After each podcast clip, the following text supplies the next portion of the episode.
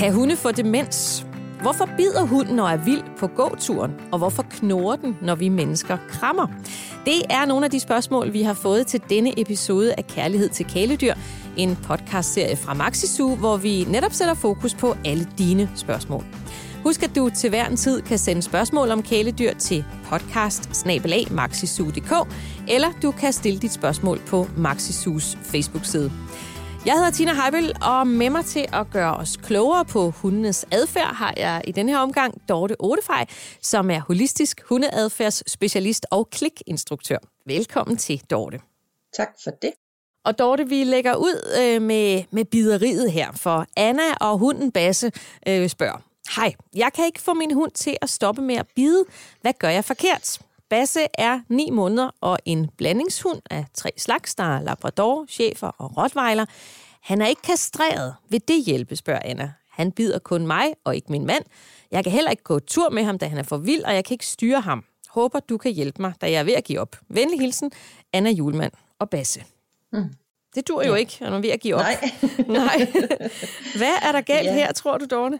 Jamen, det er jo sådan en klassiker lidt, den her. Øh, og der er jo allerede flere alarmklokker, der ringer øh, hos mig, når jeg, når jeg hører sådan et spørgsmål. Øh, fordi der sådan er flere indikatorer på nogle, på, øh, på nogle mangler, måske man, øh, man ikke lige har tænkt over, mens, mens valpen er vokset op. Hvis vi starter et sted, øhm, så kan man sige, det, det er jo helt normalt for en hund at bide, øh, at bide i fødder og hænder, når man er valp og man vokser op. Øhm, de bider nærmest i stort set alt, hvad de kan få fat i, mm. for det er den måde, de udforsker verden på, det er med deres mund. Men der er det jo så bare, at det er vores helt store opgave at lære dem, at man ikke har nogen menneskedele i munden. Man kan godt have legetøj, man kan godt have have bolde og så videre i, øh, i munden, men det er, ikke, øh, det er ikke lige nødvendigvis hænder og fødder fra, fra, fra menneskene. Og der kan man sige, en stor del af det der med at reducere bidet, øh, eller biddelen, det er egentlig ved at sørge for at få socialiseret sin hund. Øhm, fra den er omkring 9-10 uger, så skal den simpelthen øh, mere eller mindre sparkes ud, hvad jeg lige vil sige, øh, til de andre eller til andre hunde. Altså vælge en god gruppe, ikke bare kaste den ud i en hundeskov, hvor det er ukontrolleret og, og hvor den næsten bliver som at spille russisk roulette med sin hund, mm. men, men derimod find nogle gode legekammerater, find nogen i nabolaget eller familie eller et eller andet aftalt sted, hvor man kan mødes, eller stop nogen på gaden, som man ser jævnligt og spørger, skal vi lige gå ned på boldbanen eller ned i parken og slippe dem fri. Øhm, fordi når hunden får lov til at lege med hinanden, øh, gerne hver dag i den periode, altså fra 9-10 uger og så frem til cirka 5-6 måneder, øh, så, så får de dækket hele det her behov for at bide, og de finder ud af, hvor hårdt kan vi bide, hvad er tilladt, hvad er ikke tilladt, hvad er go, hvad er no go, fordi det gør også ondt på dem selv, hvis de bliver hapset af en, af en golden retriever eller mm. en lille terrier, ikke? Mm. Øhm, og så finder de ud af, at hvis jeg piver, så stopper de andre, og det samme gælder sådan set for mig. Øh, så det er en enorm vigtig læring, det her med at komme ud og lege og få lov til at bruge øh, munden med artsfælde, kan man sige. Øhm, og det reducerer bidet markant. Jeg har faktisk det bedste eksempel lige på min egen valg, lige pt. Han er fem og en halv måned, han er ren chefer.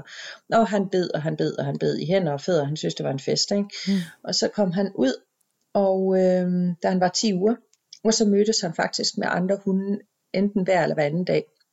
Og det har han gjort lige indtil for nylig her, til han fyldte fem måneder. Og det stoppede altså markant inden for den første uge, der reducerede vi simpelthen det her med næsten 70 procent. Øhm, og så er det gradvist bare gået længere og længere ned. Okay. Øhm, så, så, så socialiseringsdelen, den er enormt vigtig. Men nu er Basse jo Fordi, ni måneder, så er det for sent, ja, eller hvad? Det er det.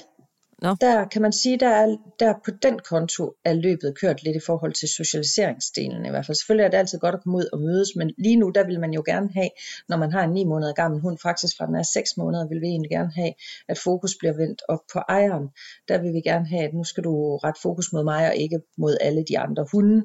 Øhm, og det kan jo godt være, at det er derfor, hun også har svært ved at gå med ham, fordi mm. han er måske lidt vild og ser andre hunde vil gerne over til dem, og så kan hun ikke rigtig styre ham. Plus, han er lige midt i puberteten lige nu. Den oh. ligger lige fra 7 til 10 måneder.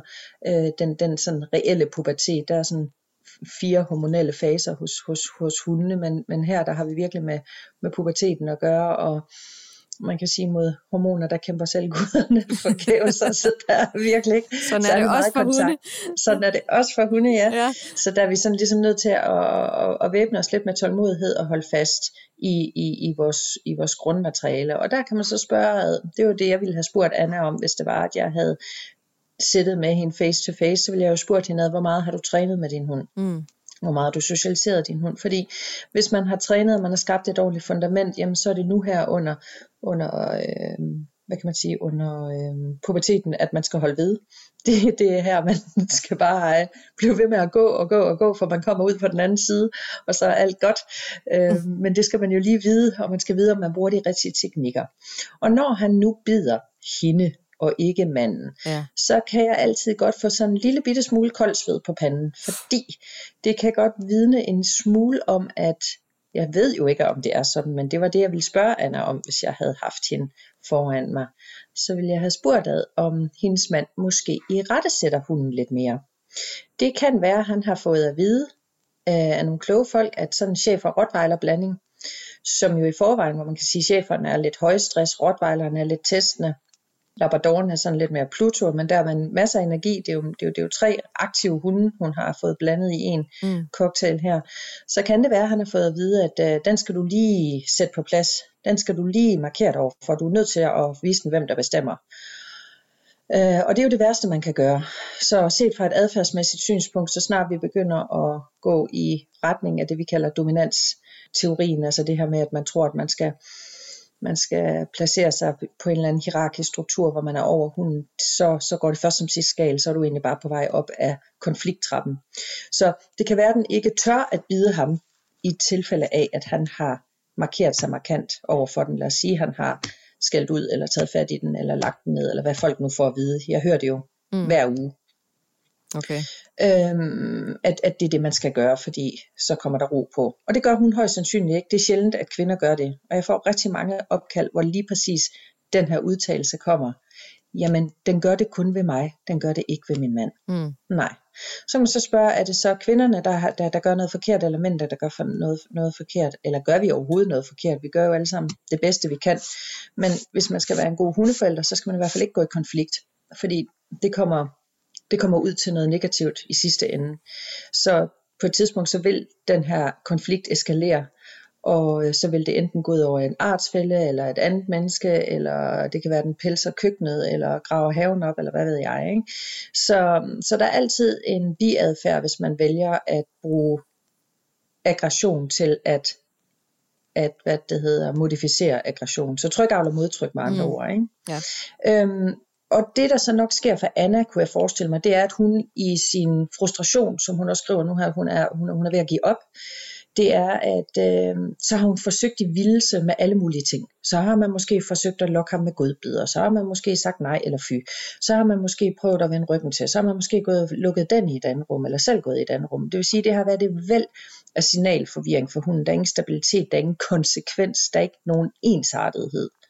Og det kan sådan en øh, 9-årig øh, bandit der overhovedet ikke forstå.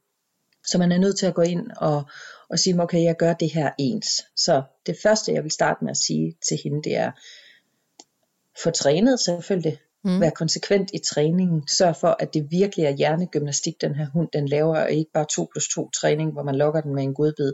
Men nej, bed den om at byde ind med adfærd, det gør man via blandt andet kliktræning, lave problemløsningsopgaver, lave noget søgeøvelser, spor, så den er mættet mentalt, fordi jo mere du er mættet mentalt, jo mindre lyst har du til at lave ballade. Mm. Det er mm. ikke anderledes end med børn. Altså, når der er syv ugers sommerferie, så klatrer man også lidt på væggene.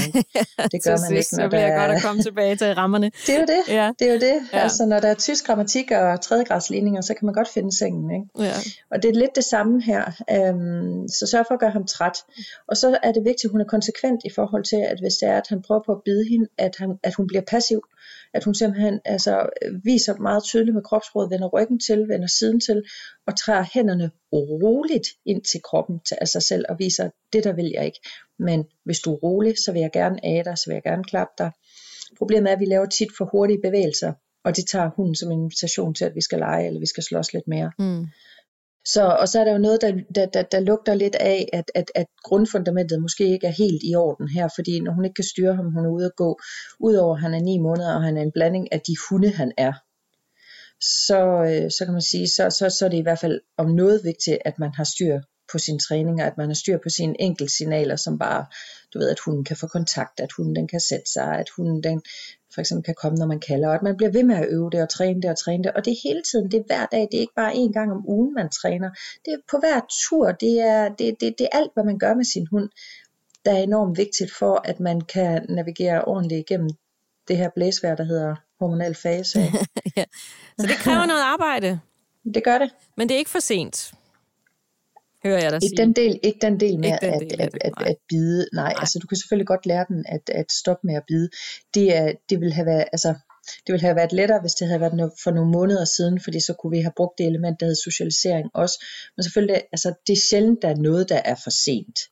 Men det kan godt være, at tidshorisonten for at aflære adfærden, den bliver lidt længere her. Ja.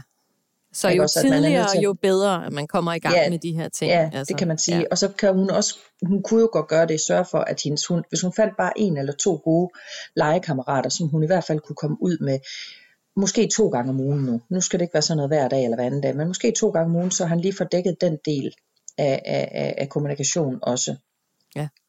Godt.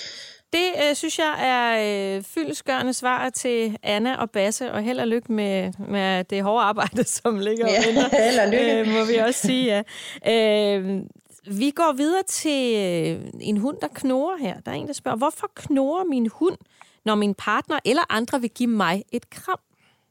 Mm. Det lyder lidt som noget jalousi, men øh, det ved jeg ikke. Er der tale om det, tror du, Dorte? Nej, det Nej. findes nummer et ikke hos hunde. Nej, okay. Der findes ikke jalousi. Så, så, så det, er, det er sådan også igen en klassiker, eller sådan lidt et skolebogseksempel, det her øhm, på, hvordan vi let kan komme til at tillægge hundene nogle egenskaber, som de rent faktisk slet ikke er i besiddelse af. Nogle menneskelige. Øhm, ja, menneskelige egenskaber, ja, Ja. ja. lige præcis. Mm. Øhm, det, det er der ikke, men det der er, det er til gengæld, at de kan se øh, os som en ressource. Akkurat ligesom de kan se sofaen eller sengen som en ressource, eller de kan se deres mad som en ressource. Og det vogter man. Og øh, hvis man nu har et meget tæt forhold til den her ene ejer, øh, ejer her, så hvis det er, at der kommer en hen og vil kramme, så er det faktisk på hundesprog en lille, altså truende. Mm. Du ser heller ikke nogen hunde, der ligger så oven på hinanden og holder fast. Vel? Hvis man gør det, så er det rent faktisk fordi, man, man, man måske altså, er i gang med at pacificere eller, Ja. eller nedlægge noget. Ikke? Øhm, så for dem er det en del af kropssproget, kan, den, kan det godt virke truende. Øh, og så kan det, det, kan, det kan være den ene ting, altså den her, de, de opfatter det som et, som et angreb eller en trussel mod, mod den her øh, øh, partner. Den anden del er, at øh, hvis man er, det kommer igen an på, hvad det er for en hund, for det er klart, hvis hun har en lille tempelalarm, hun en lille chihuahua eller et eller andet, jamen så, så, så er det enmandshunde, der sidder på skød eller i arm, og de vil for det meste ikke tolerere, at der kommer tilnærmelser til en. Ikke? Men igen, det er meget forskelligt, hvad det er for en race, så det vil altid være godt at vide, hvad, hvad race, køn og alder man har med at gøre. Men det, vil, det er en vogtning af personen. Så man kan sige, øh, og- og den her med at have, have den her råderettighed over den her ressource for sig selv. Akkurat ligesom man gerne vil have en råderettighed over sofaen eller et eller andet. Så derfor kan du se nogle gange, at en hund den knurrer, øh, hvis folk de prøver på at få den ned fra en sofa, som så knurrer den, fordi den har lige fundet ud af, at det her det er faktisk skide godt sted at ligge. Det er da mega dejligt det Mm. her. Og så har den ved et tilfælde fundet ud af, fordi den engang er blevet skubbet lidt til, skubbet ned, jamen så har den fundet ud af, okay, hvis jeg lige har brummet, så har folk faktisk trukket sig.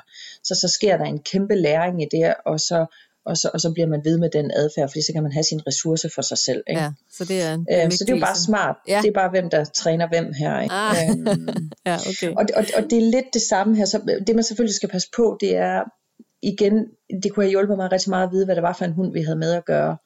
Men Ja, når det fremgår knurrer- desværre ikke. Nej. Nej, når, man, når, når der er en, der vil give et kram, så vil jeg helt klart gå i gang med at arbejde på det.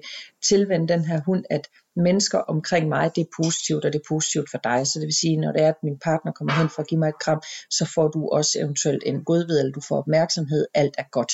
Ja, så Altså, der er så- ingen far så- på færre her.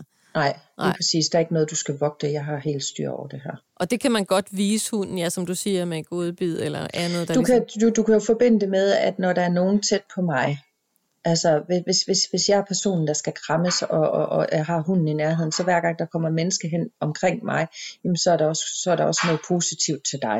Hmm. Det er, den ene, det er den ene mulighed. Den anden mulighed er, at du bare kn, øh, knurrer, at du bare ignorerer den knurren. Men problemet er igen, jeg ved ikke, hvad det er for en hund, og jeg ved ikke, hvordan den gør det. Og det er helt afgørende for, hvordan man rent adfærdsmæssigt vil håndtere det her det, det er enormt afgørende, hvad det er for en race, og, og, og, og hvad erfaringen også er i det. Ja. Og hvad er steppet? Står den og stiger? Er den meget fixeret? Kunne det næste være et potentielt bid? Eller er det bare sådan en utilfreds brummen? Altså, der er så mange nuancer, når vi arbejder med hund, og det er derfor, at svaret aldrig bare lige findes på side 29 eller side 65. Ikke? Øhm, man er nødt til at vide mere. Men, men som udgangspunkt kan jeg sige, at det er en form for ressourceforsvar for det meste, og det kan man sagtens gøre noget ved, og der skal man bare lige have en adfærdsperson ind over. Ja, hunden skal bare grundlæg, eller grundlæggende lære, at der ikke er far på færd. Ikke, det er ja, også begynd at give den godbid, begynd at, ja. at age den, øh, ros den, mens den tolererer det her, alt er godt. Ja. Øv, øv det, gør det til en træningsstation. Altså, bed partneren om at komme hen til, nu, nu laver vi krammetræning. Ja, det lyder okay. hyggeligt. Nu krammer, ja. vi krammer, og hun får godbid. Og hun den finder ud af, åh fedt, hver gang de krammer, man, det er bare skide godt for mig. Alle vinder. Ja. ja. Vi skal ud på gåturen igen. Karen spørger, hvorfor far min hund ud efter cyklisterne, når vi er ude at gå? Ja. Og det er en valg. Øhm, Nå, det er en valg. Ja. Men vi ved ikke, hvilken race det er. Nej. Igen, øhm, er de jo altid meget afgørende. Øhm, havde det været en chef for hun eller en anden hyrdehund eller et eller andet, så er det meget klart, fordi så ligger det i genetikken, at man hyrder det, der er i bevægelse. Oh ja. Øhm, så, så, så, så havde man allerede svaret der. ja. øhm, men, det men er det ikke, det, jo. det er en, øh, en lille hund, men jeg kender ikke uh, rasen. Det er sådan en lille sådan, uh, okay. bomulshund-agtig tror jeg. Ja. ja, det kan godt være noget usikkerhed øh, igen på miljøet. Er man blevet præget på det? Er man ikke blevet præget på det som valg på opdrætteren eller ej?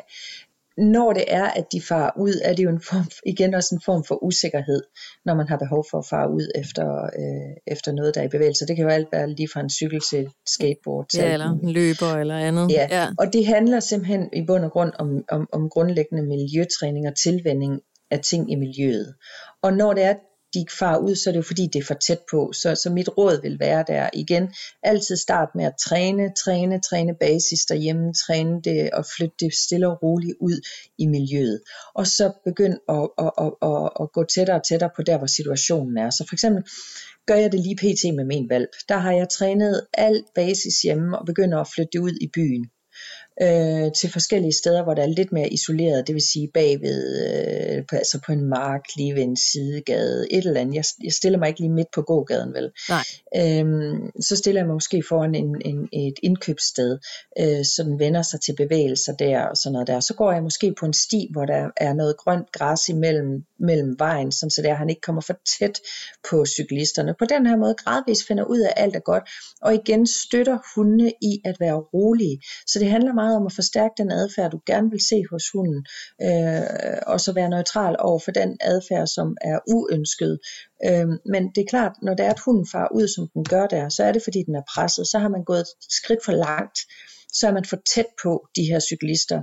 Så er man nødt til at sige, okay, skulle jeg måske lige starte med at lufte den her valg på nogle af sidegaderne, så hvor bor mm. de her folk henne af? Ja. Vi kan også tit se, at det er hunden, for eksempel hvis de har boet på landet, når de så kommer ind til byen, så kan de slet ikke finde ud af det her.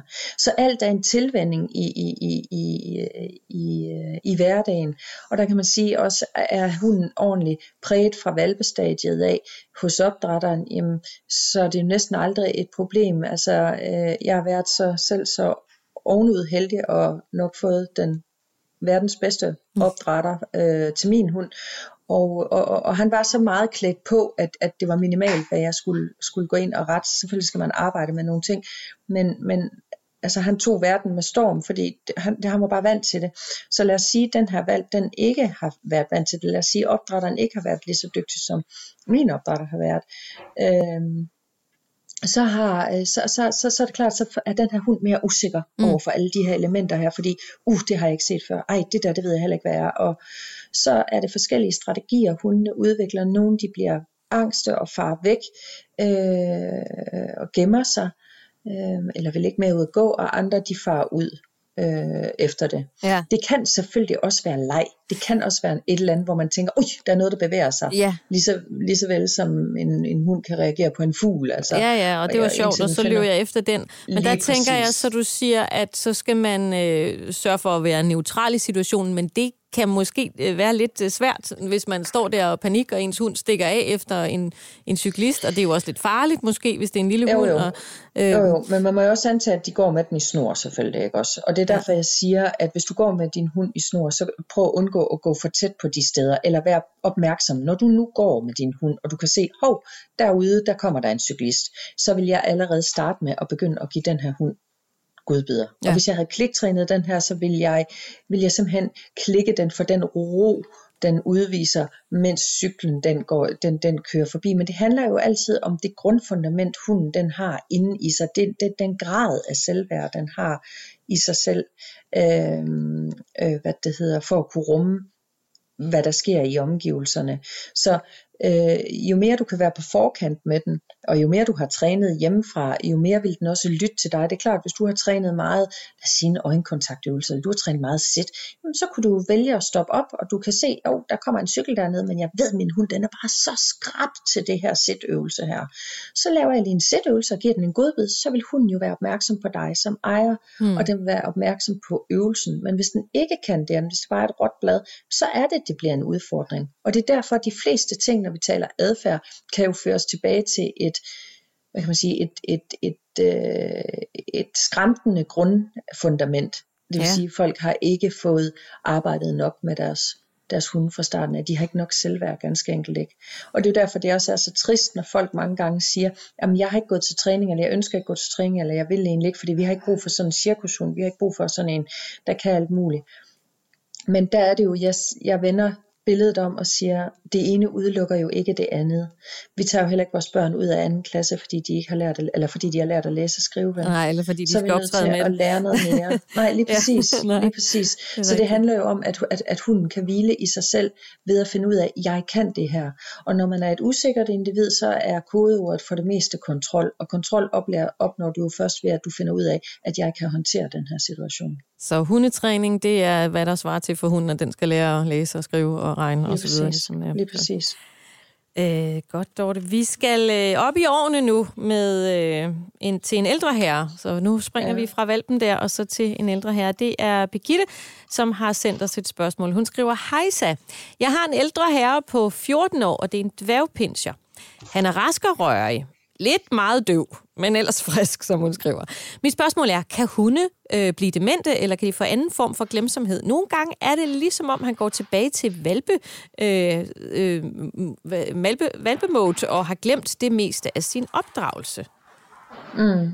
Ja, sådan en. Ja. en, en gammel dreng der på 14 år. Er det normalt, at, at hunde også ja, kan ja, som sagt blive demente eller glemsomme? Og... Altså, nu er jeg jo ikke dyrlæge, øhm, så jeg vil nødig udtale mig for meget om det. Jeg tænker, det er noget, man skal tale med en, øh, med en dyrlæge om, som, som, som, som virkelig er specialiseret i de her ting.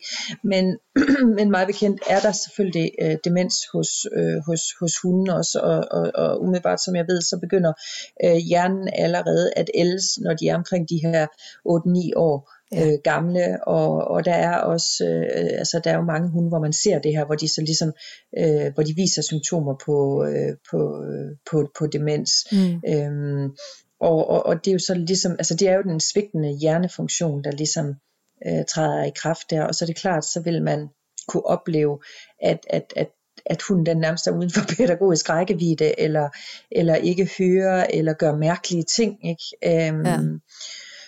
Og, og, Og han er og 14 år, ham her jo, Ja. så det, det, det kan Ja. jo godt uh, hænge sammen måske, at, at han begynder at glemme ting. Ikke? Lige præcis, Ja. lige præcis. Og også det der, som hun, hun, hun skriver, at, at, at de så går tilbage til, til, til barndommen lidt, og det er jo også det, ja. man ser øh, ved, ved, ved, ved mennesket et eller andet sted. Ja. Og jeg tror, øh, altså umiddelbart, det vigtigste er jo det er jo igen tilbage til træning. Hvis man træner med sin hund, man ikke kun træner med den som valg, man træner med den hele livet, så holder du jo også hjernen i gang. Det gør vi andre jo også ved, at vi læser øh, en avis, eller løser en sudoku, eller en kryds og tværs, eller øh, sætter os ind i et eller andet, hvad ved jeg, for at holde hjernen i gang. Det er jo også den største gave, du kan give hunden i takt med, at den bliver ældre. Så laver du, tilpasser du bare din træning den alder, som hunden den er i. Men jeg tror, jeg vil gå tilbage til at træne noget, eller gøre noget af det, som jeg ved, min hund den er god til, der hvor den finder tryghed og tillid i noget, øh, i nogle opgaver. Det kan være, at den har været rigtig god til at søge efter noget. Det kan være, at den har været rigtig dygtig til at, øh, at puff til et eller andet. Så hvis, hvis ikke synet er ødelagt, altså at det kun er hørelsen, så er det jo lige meget, så kan den jo sagtens lave noget der. Duftsansen er selvfølgelig måske også lidt svækket, men, men, men den vil jo stadigvæk kunne lave noget. Mm. Så jeg tror, altså, og så er det, handler det jo selvfølgelig også ligesom for, øh, for mennesket, at man skaber tryghed øh, for hunden. Øh, faste rammer, faste vaner. Øh, ja, så det, det Men er sådan, tænker, man skal træne det... en ældre hund, også øh, selvom den måske ikke nødvendigvis er, er glemsom. Altså, men... Ja, og du kan jo også godt prøve at lave noget nyt, altså ud fra der, hvor den er. Øh, jeg trænede også med mine gamle hunde, altså som min var 15 år til sidst, altså, og, øh, og der var der mange af øvelser, der bare sad fast hos ham, hvor, hvor, hvor, hvor der var en tryghed i at træne det, og så kunne jeg måske lave nogle lidt nemmere øvelser, altså som var nye, øh, men jeg tror ikke hun skal, altså det er et spørgsmål om, hvordan det påvirker deres hverdag, tænker jeg, og, ja. og, og derfor er det også, jeg siger, jeg tror det er bedre, at hun måske lige taler med en, en, en dyrlæge, øh, men i forhold til om, om glemsomheden og det der med, at de går tilbage til at virke valpeagtige, det der, det, det, det, er jo helt, det er jo helt rigtigt, i hvert fald sådan, som jeg kender til demens blandt hunden. Ja. Øh, så, så, ja. så ja, ja. ja til det spørgsmål, var lige ved at sige. Ja. tak. Øhm, så er der et, et helt andet boldgade her. Det er Sofie, der øh, har spurgt, hvordan kan man se, om en sele sidder godt på en hund eller ej? Det synes jeg er vildt svært, skriver hun.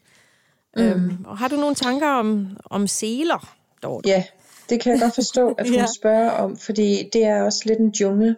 Øhm, og jeg synes jo, at det er lidt fedt, at vi kommer ind på selesnakken, fordi jeg tænker, at det ikke engang altid kun bare et spørgsmål om selen, den sidder godt eller ej. Jeg synes, det er rigtig, rigtig vigtigt, at vi får talt om, hvad det er for en sele. At man i det hele taget får købt den den korrekte sele. Man må antage, at når folk de køber en sele, så er det jo for, at de kan have den på til at gå tur med deres hund og for at minimere træk og så videre, og sørge for, at hunden ikke bliver belastet unødvendigt i øh, hals-nakke-regionen ved at have et halsbånd på, som jo så også kan ødelægge øh, ryggen og så videre, og så videre. Mm. Desværre ser jeg jo, at der bliver solgt rigtig, rigtig mange sporseler, altså som gåseler. Og en sporsele er en, er en sele, hvor, hvor, hvor øh, der sidder ligesom et bredt bælte øh, i en lige linje hen over skuldrene. Altså, mm. så der sidder faktisk nærmest et bælte fra den ene skulder til den anden skulder. Og det er typisk, man kan se mange af de her K9-seler, som de kalder dem, eller hvor der står på sådan på, på, på, på noget af sinde, så står der måske uh, Pretty Boy, eller mm. Princess, mm. eller hvad ved jeg. eller der står bare K9 på. Og der, og, og der bliver solgt rigtig mange af dem som spors eller som, som gåseler, men det er faktisk en sporsele. Og hvad er problemet og spors, i det? Ja det er, at hunden ikke kan bevæge sig frit. Så det, det der med, at den skulle kunne tage det store, den, store gang og have bevægelse, øh, fri bevægelighed i, sin, i sit skulder, eller i sin skulder, det bliver frataget den, fordi det er egentlig lavet til, at den bare tager de der små, korte skridt, når den egentlig skal søge et spor, hvor den går med snuden nede i sporet. Der tager den bare bitte små skridt, men det gør den jo ikke, når den skal ud og gå. Der skal den jo gerne kunne gå og, og, og svinge, kan du sige, med forbenene, så der er bevægelse i skulderledet. Men det bliver jo frataget her, så der bliver nummer et lavet trykninger ind på, ind på, hvad det hedder, skuldrene. Og nummer to, så den hæmmede bevægelighed, den kommer jo til at sætte sig som en spænding og låsning, som kan gå om i ryggen. Så det er også derfor, at mange osteopater og øh, hundekiropraktorer, de har jo kronede dage i dag, fordi hundene bliver ødelagt i, i det her. Øh, det er den ene dårlige ting. Den anden dårlige ting ved mange af de der øh, sporceller, det er, at de kommer op og laver nærmest et pres, næsten helt op, der hvor halsbåndet sidder, nogle gange hvis de er købt for små og så får de egentlig samme effekt som et halsbånd gør, hvis man går med en hund, der trækker, nemlig at det ligesom aktiverer hele hundens kamp-flugt-mekanisme, den prøver at trække væk. Jo mere vi trækker i det, vil de trække tilbage. Og jo mere adrenalin de vil udskille, fordi de oplever en vis form for, hvad kan man sige, næsten en, en, en kvælning, det er det jo, når man bliver presset i halsen, jamen så bliver de både mere stærke, mere udholdende, mere vedholdende, øh, fordi både adrenalin og testosteron bliver udskilt i kroppen ved det. Så øh, jeg vil sige, det allervigtigste er, at man kommer ud og får fundet sig en, en ordentlig gåsele, en, gerne en y-sele, øhm, som, altså, hvor, hvor, hvor, hvor man kan sige, presset sidder direkte på brystben, altså på brystbenet på brystkassen. Man kan både få det, hvor det er, det er sådan en trekantet lap, der sidder på brystkassen. Man kan også få, at det bare er, er to, hvad kan man sige, to stykker rem eller læder, der går ned og samles der. Og der er mange forskellige, øh, der er jo rigtig mange forskellige mærker, og der er nogen, der specialiserer sig i mere ergonomisk korrekt, hvad det hedder, um, øh, pasform end andre, og det kan man også tale med sin dyrlæge om, men jeg ved at mange af dyrlægerne har, har nogle gode øh, seler, både øh, Dog Copenhagen og øh, Hurta laver gode seler, Kenyan laver gode seler, man skal bare sørge for, at det er er, hvad det hedder, at det er y-seler, og så skal man selvfølgelig i samråd med den assistent, der er der, og eller veterinærsygeplejerske eller dyrlæge, hvor man nu køber den hen, at man sikrer sig, at selen sidder rigtigt rundt om hvad kan man sige, buen, at det ikke kommer for tæt ind på armhulerne, fordi der ser vi egentlig tit, at, at man køber en sele, og den sidder egentlig fint nok fortil, men, men så den rem, der går ind under buen, den kommer for tæt ind under armhulerne på hunden, øh, og det, det, det, det går jo og slider hver gang den tager et skridt. Så der skal man, der er nogle vejledninger på nettet, øh, på Maxisu kan man se, øh, hvordan man, øh, på maxisu.dk kan man se, hvordan man måler sin hund korrekt, for at se, om pasformen er korrekt, og det kan man selvfølgelig også mange andre steder. Så en, en individuel vurdering vil være en rigtig god idé at, at bede om, når man øh, går hen for at købe en sele her? Altså, øh, ja, ja, og ja. at man lige får den prøvet på, inden ja. når man lige ser, hvordan bevæger den sig. Men det aller, aller vigtigste er, at man får stoppet med at få købt de der ja. sporseler. sporseler der, fordi øh, det, det, det, det, det har aldrig været en god sele. Det, har, det, det er en sporsele, og det er det er en årsag. Så, så, så det, det, øh, Ja, ja, jeg synes, det er så Hvorfor er det dem, folk de køber? Er det, fordi man synes, de er fine? Eller hvad? Jeg tror, ja. at de fik et... Øh, et øh, jamen, det, det blev sådan et hit på et tidspunkt at have de der kun i seler, fordi du så kunne få alt det der tekst til at stå på ja. siden med Pretty Boy og Princess og hvad ved jeg. Ikke? det er så smart. Men det jo ikke, ja. nej. nej, så jeg nej. tror... Øh, så, så de blev bare sprøjtet ud øh, på, på, på et tidspunkt. Øh, og så ved jeg ikke, øh, så, har der, så har der været mangelfuld øh, vejledning fra øh, altså mange af de steder, hvor folk de køber. Øh, og ellers har de bare valgt decideret at købe det på, på, på nettet, uden at spørge, spørge til råd. Så ud med dem, ind med y-selerne, og så spørg endelig der, hvor du øh, køber den, øh, hvordan ja. den øh, passer ja. bedst til lige præcis din hund. Er det jo det bedste råd der til Sofie? Det, det tænker jeg. Skal vi lige tage et aller sidste spørgsmål, og det er igen noget helt andet her, Dorte. Det er Marte, der har skrevet. Hvordan lærer man sin hund at få børstet tænder? Mm-hmm. Jamen, øh, det er jo altså igen det her med håndtering, at man gør det allerede fra, fra valg af. Øh, det er jo egentlig allerede opdrætteren, der, der, der skal ind over der vende hunden til at blive rodet ved, på, i, øh, i ansigtet og ved, ved munden og ører og så videre. Når man så selv får valgt den hjem, så begynder man at tilvende det her med, at man sidder og stryger den, og så stille og roligt åbner øh, munden. Altså jeg plejer egentlig bare at køre to fingre, min mand og, og, og min pegefinger hen langs øh, siden af, af, af, hvad det hedder, munden, altså af læberne, og så, så åbner jeg ligesom inde bagved. Og så kan du vende hunden til, at øh, hvis du tager den her tandbørste, altså i små, små, små skridt, øh, og tage den ind og bare lige og knuppe lidt og gøre det dejligt. Det er faktisk de fleste valve, når det er, at de skifter tænder, hvor det hele det klør og det er træt, så synes de faktisk, det er så dejligt. Ja. Altså de, de nyder det næsten, ikke også?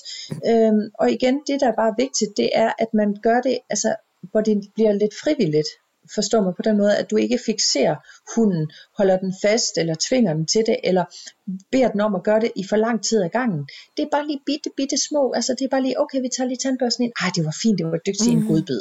Fint, så tager vi tandbørsten igen, så prøver vi lige, åh, så børster vi lige en, to, ja, fint, det var dygtigt, giver en godbid, åh, det er hyggeligt det her. Ikke? Og at man så også fjerner tandbørsten, hvis det er, at hunden den begynder at gnave i den, så man ligesom viser oh, ja. dem allerede der, nej, der sker ikke noget der, der bliver der mister du din chance for at opnå at få en godbid. Øhm, der sker faktisk ikke noget, jeg bliver også passiv, men når du er stille og rolig, og jeg lige kan få lov til at knuppe to gange her, ja, så får du faktisk også en godbid. Og så, så det er det, op. det vi kalder ja, det er det vi kalder shaping, altså trinvis øh, indlæring, ikke også med, med små delmål. Øh, og igen her der der er kliktræning også genialt, øh, fordi hunden den som lynhurtigt fanger, hvad det er det her det handler om. Så kan, kan, kan Martin komme i kontakt med en, en, en, en kliktræner eller en, en adfærdstræner, der kan, der kan vise hende det her omkring kriteriesætning, altså hvordan sætter vi krav, altså hvordan, hvilke delmål sætter vi for hunden til opnåelse af at få børstet tænder. Og du kan jo også gøre det til at starte med, hvor du bare har, altså det behøver ikke at være en tandbørste, du kan bare bruge, man kan få sådan nogle, man kan sætte på sin, sin, sin finger, mm. så, så, så det bare lige er fingeren, der er derinde. På den måde lærer man også, at det har en funktion, det er ikke noget, vi bider i.